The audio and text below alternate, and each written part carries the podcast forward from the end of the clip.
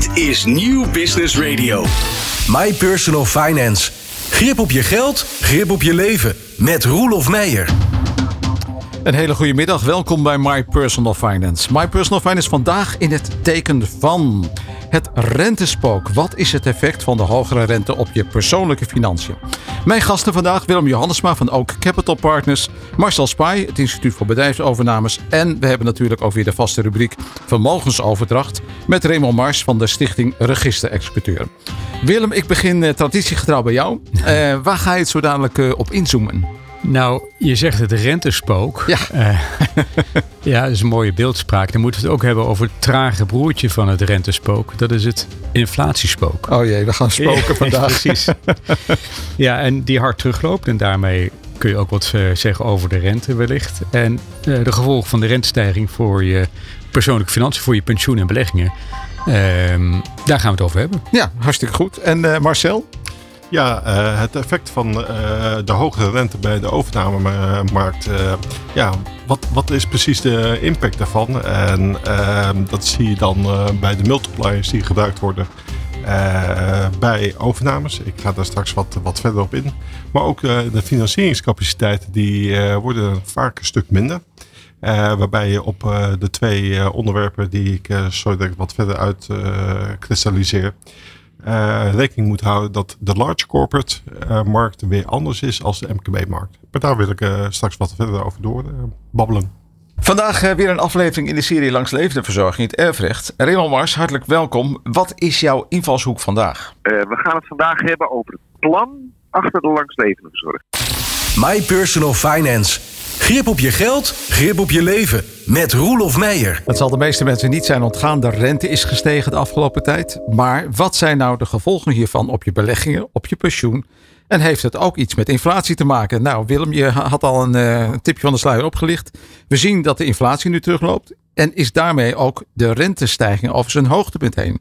Ik praat met Willem Johannesma van Ook Capital Partners. Willem, um, even als start.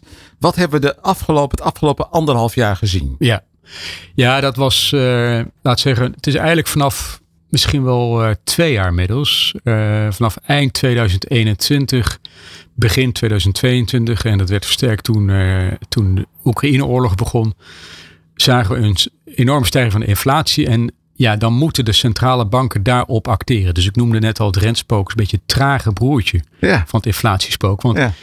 ze gaan natuurlijk niet vooraf die rente verhogen, het gebeurt achteraf. Ja. En uh, de, de, Amerikanen, de Federal Reserve, de Amerikaanse centrale bank, die is er als eerste mee begonnen. En ja, dat moet je de Amerikanen nageven. Ze zijn altijd wat daadkrachtiger. Ze pakken gelijk door.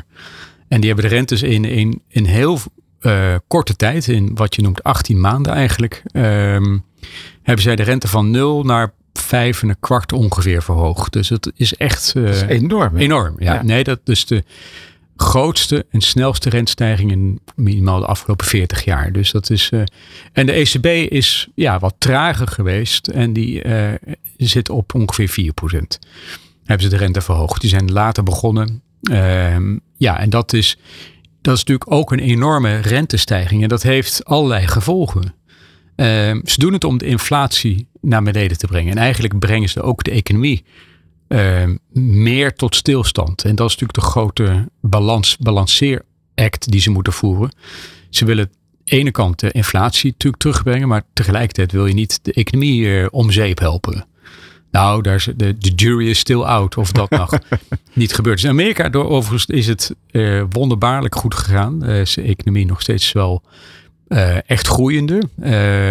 Europa is, is toch weer daarin uh, die, die, die, hinkt tegen een recessie aan. Sommige landen zitten in een recessie. Nederland zit officieel in een recessie. Maar het is heel minimaal. Werkloosheid is natuurlijk nog steeds heel erg laag. Dus dat is eigenlijk, ondanks dat economische cijfers misschien zeggen, nou je hebt twee kwartalen negatieve groei, dus het is een recessie. Maar als de en werkloosheid nog steeds dermate laag is, nog uh, op een niveau van 3,8% of zo. Ja, dan voelt het helemaal niet als een recessie. Maar de gevolgen zijn uh, fors. Um, om te beginnen financiële markten, datgene waar ik natuurlijk met, met, dagelijks mee bezig ben, is het 2022 en ook 2023 is eigenlijk een annus horribilus, hè, om die term te gebruiken. Een, een, een Verschrikkelijk jaar. verschrikkelijk slecht jaar. voor obligaties met name. Ja, Want ja, die rentestijging, dat betekent dat obligaties zijn schuldbewijzen. Ja, die oude schuldbewijzen die 0% gaven. Ja, die, die zijn een stuk minder waard als je nu een nieuwe obligatie kan kopen. Die 4% geeft. Dus eh, die zijn eh, allemaal heel hard in koers gedaald. Dat heeft eh, ja, enorme gevolgen gehad voor mensen die dachten heel defensief te beleggen in obligaties. En geconfronteerd werden met verliezen die, die eigenlijk de aandelen te boven gingen. Aandelenverliezen te boven gingen. want, want dan praat je over 10, 20 procent. Ja, dus richting 20%. Als je het allemaal bij elkaar optelt. Dit jaar is alweer een min. En vorig jaar ook een forse min. En eh ligt een beetje aan welk segment. Maar ja, als je een wat langer lopende obligatie zit je rond de 20% cumulatief vanaf eigenlijk 2021, eind 2021. Dus dat is een hele, echt een, eh, een, een, een hele flinke, eff- een flink effect wat je daarvan ziet. Ehm, je ziet nu ook dat eh ander gevolg is dat eh, nu de korte rente niet meer aan het stijgen is, maar de lange rente, moet ik even nuanceren, want die is afgelopen week heel sterk gedaan, maar die was heel sterk aan het stijgen. En daar betekent dat je weer een verschil kreeg tussen korte en lange rente. Dat was de hele tijd niet.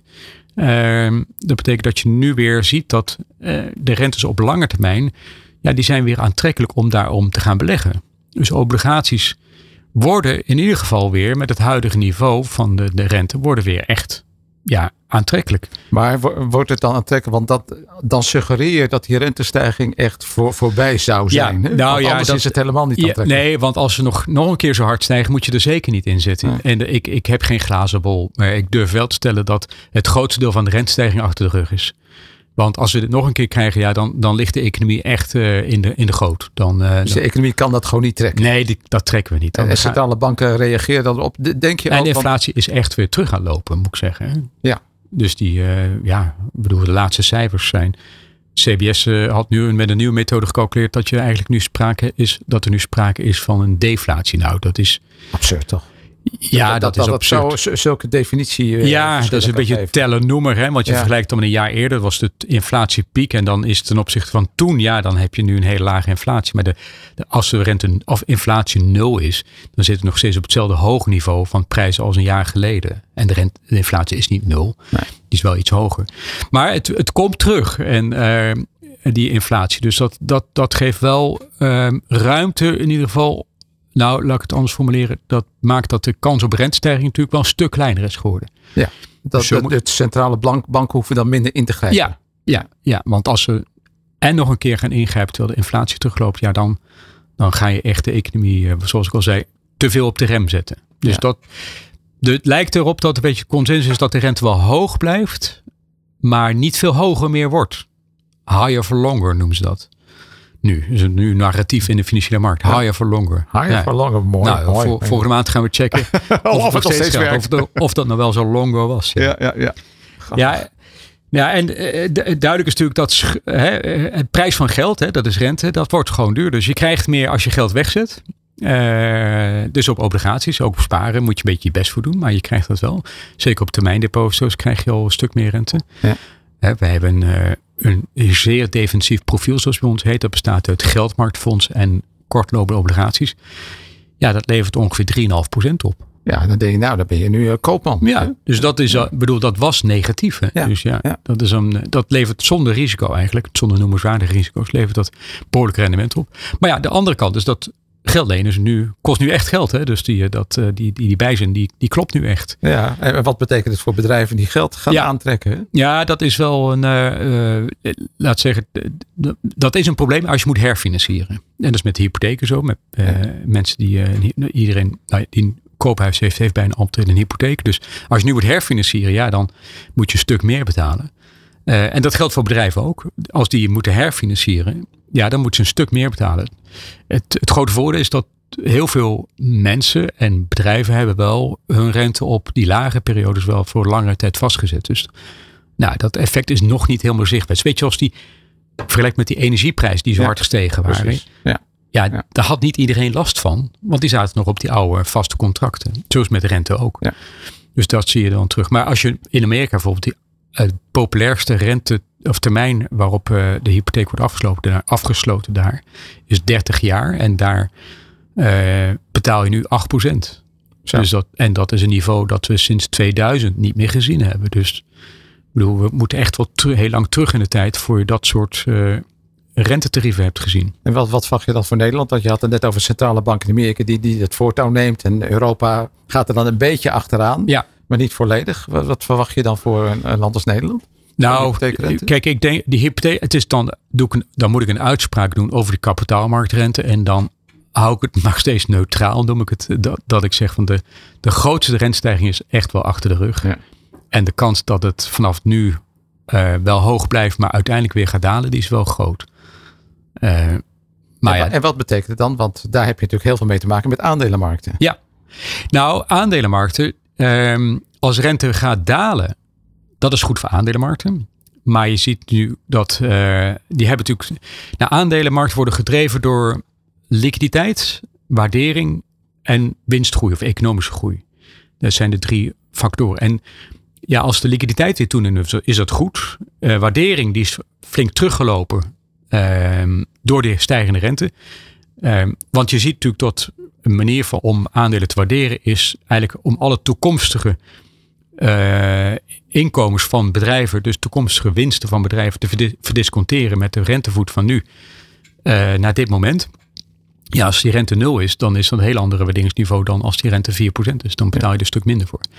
Dus dat scheelt. Dus dat is wel iets, als die rente, eh, dat heeft de waardering flink teruggebracht. Ehm, ja, en het laatste punt is natuurlijk dat eh, het relatieve waarderingsniveau wordt ook anders. Want als jij, ik noem net eh 3,5% of 4% of tegen de 5% zelfs in, in Amerika renteloos of eh, risicoloos kunt wegzetten. Ja, dat betekent dat jouw drempel om te gaan beleggen een stuk hoger wordt.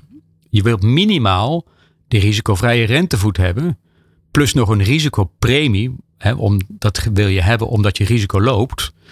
Om een aandelen te beleggen. Dus dat betekent dat de drempel om te gaan beleggen een stuk, eh, een stuk hoger wordt.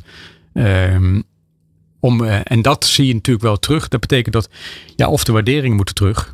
En dat is wel gebeurd. Eh, zeker bij ehm, kleine bedrijven, waardebedrijven zijn echt waarderingen fors, fors terugkomen. Dus daarin, dat, startpunt is nu beter. Ehm, ja, als de rente nu gaat dalen, is dat op zichzelf niet negatief aandelen als de economie niet te hard terugloopt. Dus dat is een beetje Ja, een, beetje een vaag antwoord eigenlijk. Hè? ja dus, dus, dus, dus, je kunt eh, alle kanten mee op zo. dus, dus Ja. praktisch gezien, Willem, wat, wat moeten we nou als, als aandelen Ja, nou, ik zou niet negatief zijn. nee, maar er zit. eh, eh, de economie is een, een factor die moeilijk in te schatten is. Maar ik denk niet dat, het, dat we praten over dat de economie instort, zeg maar. Dat geloof ik niet. Daarvoor is, wat ik zei al, de werkloosheid bijvoorbeeld echt wel eh, nog steeds veel te, ehm, veel te laag. Dus de, veel krapte op de, op de arbeidsmarkt. steun voor de economie. Ja, en ik denk dat we al heel veel pijn hebben gehad omdat die rente al zo sterk gestegen is. Natuurlijk kunnen winsten teruglopen. In bepaalde sectoren zal dat ook wel echt gebeuren. Maar ja, als op de top van de rentecyclus is het meestal niet het slechtste moment om lange termijn te gaan beleggen. Nou, dat, vind- dat vind ik wel een mooie payoff. Dus dan hebben we toch eigenlijk het, het inflatiespook en het rentespook gewoon van hun spookachters ontdaan. Ja, heel mooi gezegd. Ja. Willem Johannesma van ook Capital Partners. Wil je ook de kapitein op je schip zijn? Werk samen met My Personal Finance aan je persoonlijke financiële kompas. Voor nu en later. Iedere eerste dinsdag van de maand van 4 tot 5 op Nieuw Business Radio. Je luistert naar My Personal Finance hier op Nieuw Business Radio. We hebben het over het rentespook. Het effect van eh, hogere rente en de rentestijging die eh, misschien al achter de rug is. Zoals eh, Willem Johannes maar net zei. Marcel Spaan, je bent van het Instituut voor Bedrijfsovername. Ehm, ja, rentestijging en bedrijfsovernames. Hoe gaat dat samen? Ja, het, eh, de rentestijging heeft eh, best wel wat eh, impact op de overnamewereld, om het zo maar te zeggen. Ik gaf net al aan de multiplier, Ja. de IBDA multiplier die gebruikt wordt. Eh, nou, Willem gaf het net ook al aan, de waardering van de bedrijven is toch een stukje naar beneden gegaan. Ja. En op het moment dat je besluit om je onderneming te verkopen, eh, ga je kijken naar wat is de waarde van mijn onderneming. En daar heb je verschillende mogelijkheden voor om dat eh, te waarderen. Dus hij is bijvoorbeeld de discounted cashflow uh, methode is daar uh, een bekende van. Ja, kun je even uitleggen wat, wat, dat ook alweer is? Dan, dan kijk je zeg maar naar uh, de toekomst, wat je verwacht, wat je bedrijf qua omzet en qua EBITDA. want die is belangrijk. EBITDA is earnings before interest, debt amortization. Ja, dus, dus het inkomen wat je verdient en dan de afschrijvingen en dergelijke meegerekend? Exact. En daar komt dan zeg maar een bedrag onder de streep. En bij de discounted cashflow methode uh, kijk je wat dat uh, voor het komende jaar is, voor het jaar daarna en uh, voor het jaar daarna. Mm -hmm. Vaak zie je daar een bepaalde hockeystick in terugkomen, maar je moet natuurlijk wel een beetje reëel zijn. Ja, hockeystick wil je maar zeggen dat de winsten opeens exploderen ja. aan het eind. In één keer gaat het een stuk beter allemaal.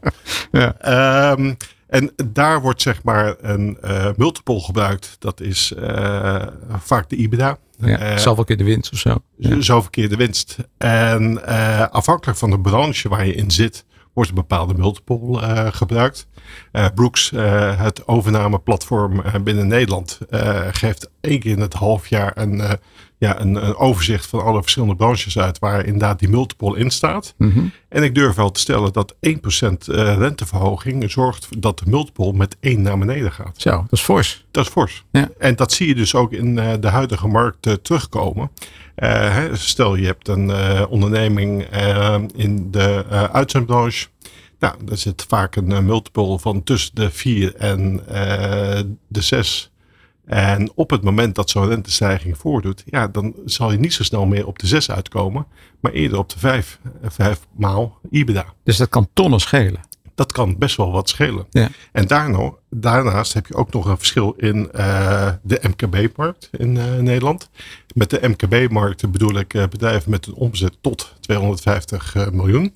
En daarboven, en dan heb je het over de corporates, zeker de echte corporates, de multinationals. Daar gelden andere, vaak andere multiples, die zijn hoger. En daar zou het zelfs een uh, 1% renteverhoging uh, de factor 2 kunnen zijn. Zo. Want dan praat je vaak over inderdaad strategische overnames, uh, multiples die boven de 10 zijn. Ja, en dan gaat het nog harder. Dus die rente op de lange termijn, die heeft wel impact, zeker als die omhoog gaat. En je zag dat al halverwege vorig jaar, dat de investeerders terughoudender werden om uh, te investeren. Want ze zagen de rente al langzaam omhoog gaan. En uh, het beïnvloedt toch je uh, investeringsmogelijkheden op de langere termijn. En je zegt ook verschillen in branches. Waar, waar kwam het nou het hardst aan? in de ICT-branche, daar kwam je het hard staan. En daar zie je nog steeds hoge multiples, om het zo maar te zeggen. Mm -hmm. Want daar is een multiple van 9, 10, 11, 12 keer zie je nog steeds voorkomen. Um, en daar zie je wel een, een terugloop. Een, een, multiple van 12 uh, zal je niet zo snel uh, door een uh, zeg maar Europese partij meer, meer zien. Anglo-Saxisch. En dan heb ik het over de bekende mannen op het grote eiland daar ergens over, over de grens. In Engeland, Anglo-Saxisch. Ja, die zijn nog steeds eager om hogere multiples te betalen. Maar je ziet dat naar beneden gaan. Dus we moeten eigenlijk over de grens kijken. Willen we nog een beetje wat voor ons bedrijf krijgen? Ja, maar dan moet je wel een bepaalde omvang hebben om over de grens heen te kunnen kijken. En, en wanneer wordt dat interessant? Bij welke omvang? Uh, het wordt uh, bij een omvang uh, van rond de 30, 40 miljoen wordt dat interessant. En je moet natuurlijk ook een strategische koper hebben die interesse in jou heeft. Hè, op het moment dat je bijvoorbeeld een, een, een Belgische investeerder die uh, zich wil uitrollen door heel Europa. En die begint dan bijvoorbeeld in, in Nederland om daar een overname te doen. En zo proberen ze dan vaak ook zeg maar uh, binnen Duitsland weer uh, voet aan de grond te krijgen. Maar ook wat ik de laatste tijd veel zie, en dat, dat gaf ik net in het voorgesprek, voorgesprek met Willem ook aan. Veel Finse partijen die in de financiële sector. Finse partijen? Finse partijen, ja. Die in de financiële sector nu een stap richting uh, Nederland uh, gaan maken. En wat voor soort bedrijven kopen ze dan? Uh, nou, dat zijn mee ook de investeringsmaatschappijen. En ja, die maken toch een sprong om te kijken naar platforms die ze kunnen overnemen. Waardoor ze zeg maar ook een Europese groei kunnen realiseren. Mm -hmm. En dat is, ja, vind ik best wel interessant, laat ik ja, het zo zeggen. Ja. En dan nog even, even weer terug naar de rente. Hoe, hoe kijk jij naar het, het overnamelandschap voor, voor het komend jaar? Ehm, ik verwacht het overnamelandschap voor het komende jaar blijft nog steeds doorgaan. Uh, de vraag uh, naar bedrijven is nog steeds groot. Het geld is nog steeds aanwezig. En eigenlijk het tweede aspect wat ik uh, wou benoemen voor het effect op de hoge rente, mm -hmm. is de financierbaarheid van een overname. Ehm, je gaat daar ook tegen een aantal grenzen aanlopen. Op het moment dat je zeg maar een overname doet, of dat nu in Nederland of in Duitsland is, uh, zal je daar ook vaak een bankaire partij bij moeten hebben. En die zien dan zeg maar een bepaald kredietplafond komen, omdat die rente best aan de hoge kant is. En dat heeft ook zijn impact op het nieuwe businessmodel op het moment dat de overname plaatsvindt. En daar zie je ook dat de Nederlandse banken daar terughoudend in worden. En toch gerenommeerde investeringsmaatschappijen die echt een perfecte track record hebben, die ondervinden daar last van dat, en dan komt die bekende multiple weer, uh, dat ze vaak tegen een plafond aanzitten van drie keer uh, IBDA. Op het moment dat een overname plaatsvindt en bijvoorbeeld een overname zes keer of zeven keer IBDA betaald is. Ja, en dan moet dat stand moet, opgehoest worden door een door eigen equity of andere vormen van, van financiering. En als je dat nou in, in, ja, in bedragen zet, stel je hebt een miljoen nodig, zeg je dan van nou door dit effect zal de bank niet verder gaan dan nou, een bepaald bedrag? De helft of is, uh, nog is, minder? Is, een beetje afhankelijk van uh, welke propositie het is. Uh, omdat hè, op het moment dat je vastgoed hebt, heeft de bank natuurlijk zekerheden ja. aan de hypothecaire inschrijving. Mm -hmm. Is de cashflow financiering, ja, dan zal dat een stuk minder worden. En wat bedoel ik met de cashflow financiering? Dat er geen zekerheden zijn, maar dat je puur op de toekomstige positieve cashflows kan gaan financieren. Dus die is best wel lastig uh, te, te, in te vullen, laten we het zo zeggen. Mm -hmm. uh, maar het heeft wel impact. Ja. ja. En, en, zijn er dan nog informals te vinden om dat bankaire stuk aan te vullen? Exact, dat is het uh, stukje waar altijd naar gekeken wordt. de informal, die dan toch een stukje mee participeert of uh, een stukje uh, mee financiert, laten we zo zeggen. En misschien uh, via een converteerbare obligatielening het een en ander financiert. Ja, dus het is allemaal wel mogelijk, maar het is wel een stuk moeilijker geworden. Het is even zoeken. Ja. Okay. Marcel Spuij van het Instituut voor Bedrijfsovername. Wil je ook de kapitein op je schip zijn? Werk samen met My Personal Finance aan je persoonlijke financiële kompas. Voor nu en later. Iedere eerste dinsdag van de maand van 4 tot 5 op Nieuw Business Radio. Vandaag wederom een aflevering in de serie Langs Levende Verzorging, het erfrecht. Onze vaste gast Raymond Mars van de Stichting Register-Executeur. Raymond, hartelijk welkom. Ja. We hebben het in het. Ja, het is altijd gezellig. We hebben het in de voorgaande aflevering uitvoerig gehad over de wettelijke verdeling. De tweetasmaking, het legaat vruchtgebruik. En de afgelopen keer hebben we het keuzetestament besproken. Ja, dan hebben we het allemaal wel zo'n beetje gehad, denk ik. Ja, je zei net, ik ga het over het plan hebben. Maar wat bedoel je daar dan mee? Ja, nou Roelof, dankjewel. Je hebt inderdaad gelijk. Het assortiment aan hoofdstromen hebben we hier wel mee besproken. Uh, met in de vorige aflevering een combinatiemogelijkheid van die varianten. En er is dus iets te kiezen. Echter voorafgaand aan die keuze valt er ook iets te adviseren. En vandaag gaan we het hebben over de uitgangspunten van het advies. Oké, en over welke uitgangspunten ga je het dan zoal hebben? Nou, we komen maar weinig mensen tegen die aan ons aangeven de langstlevende onverzorgd te willen achterlaten. Zeker als je ook beide tegelijkertijd spreekt en ze willen geen van tweeën weten uh, uh, uh, en ze geen van tweeën ook weten die van beide de langslevende gaat zijn. Hè? Nee, dat is, een beetje, dat is een beetje lastig, hè? dat weet je niet. Nee. En dat eerste is soms overigens wel iets wat compliceert. Hè? Je zal um, vooral op onderzoek uit moeten gaan over wat die verzorging nou feitelijk in moet houden. Als dat eenmaal duidelijk is, moet je weten dat het uitgangspunt in het wettelijk erfrecht al een langslevende verzorging is. Dus je gaat dingen weghalen of dingen toevoegen. Het is dus niet zo dat er in het geheel geen langslevende verzorging in het wettelijk erfrecht is. Die zit er al in. Maar we gaan er dingen aan toevoegen of we gaan er dingen uithalen.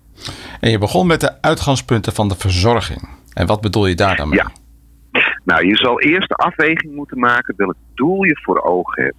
Eh, dat komt in de meeste gevallen neer op zoveel mogelijk doorgaan zoals gewend. In hoofdzaak is dat doel eigenlijk het behoud van de financiële onafhankelijkheid. Maar daar spelen in feite drie dingen een rol: het inkomen, het vermogen en de mate waarin je over dat vermogen kan beschikken. Oké, kun je dat verder toelichten? Ja, ik neem even de twee uiteinden van de stok. Hè. Als het inkomen na overlijden volledig voorziet in de verzorging, heb je het vermogen, wat feitelijk een nalatenschap is, Mhm. niet nodig om dat doel te bereiken. En kan je inzetten op de volgende generatie qua nalatenschap. Ja, want je hebt al voldoende inkomen zelf.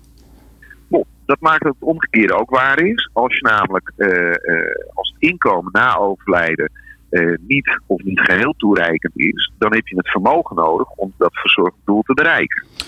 Maar dan moet je dus eerst eigenlijk het doel uittypen. Ja, dat klopt. En in de echtscheidingspraktijk eh, doen we dat in feite ook. Hè? Mhm. Eh, en, en dat noemen we een behoefte-draagkrachtconfrontatie. En geloof het of niet, maar scheiden en overlijden hebben financieel heel veel overeenkomsten. Als je de verschillende emoties met betrekking tot de aanleiding hè, van, van eh, het wegvallen van de relatie wegstreept, Mhm. kom je in heel veel punten overeen als je het hebt over de afweging. Oké, zo had ik het nog niet naar gekeken. Nou, als je enig beeld hebt van het inkomen na overlijden, de behoefte na overlijden, dan pas kom je aan die verdeling nalatenschap toe. Want het heeft niet zoveel nut om de langslevende over te bedelen en daarna in afhankelijkheid van die langslevende te laten overhevelen naar de volgende generatie.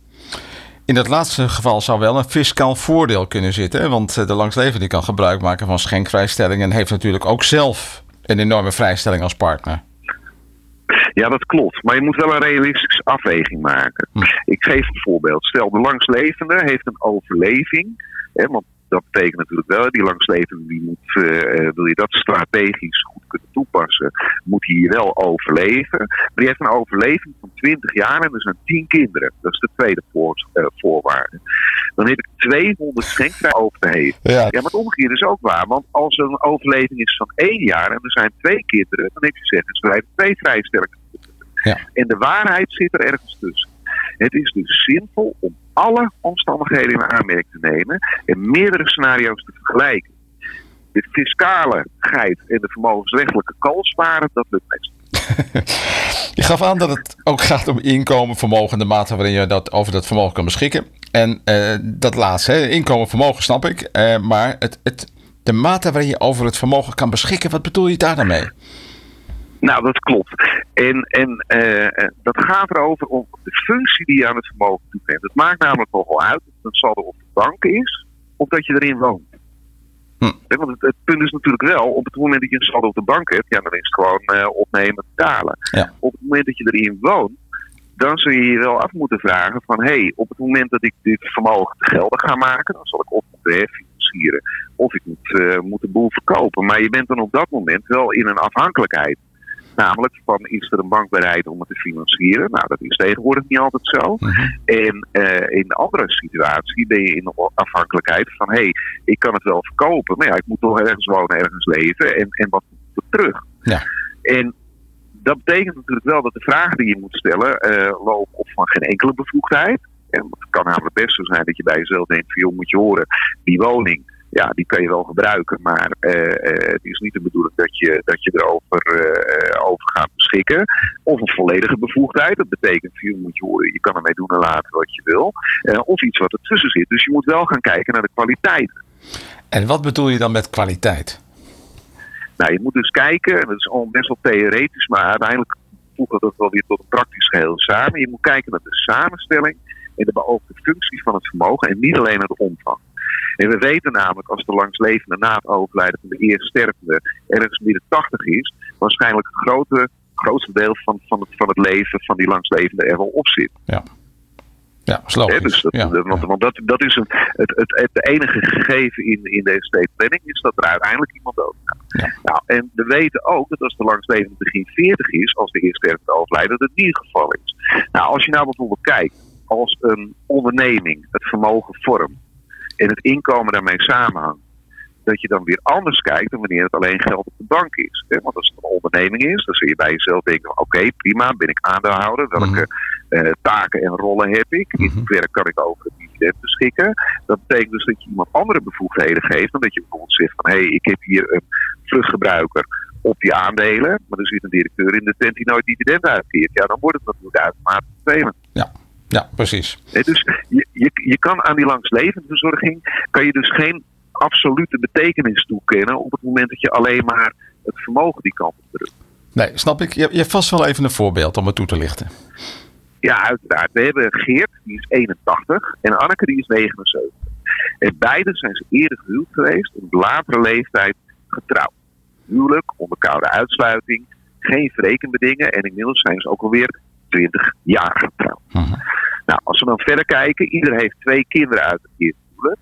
Anneke heeft een goed pensioen en bij haar overlijden heeft Geert een goed nabestaande pensioen. Er staat een aanzienlijk bedrag op spaarrekening en het appartement waarin ze wonen behoort op het vermogen van Geert.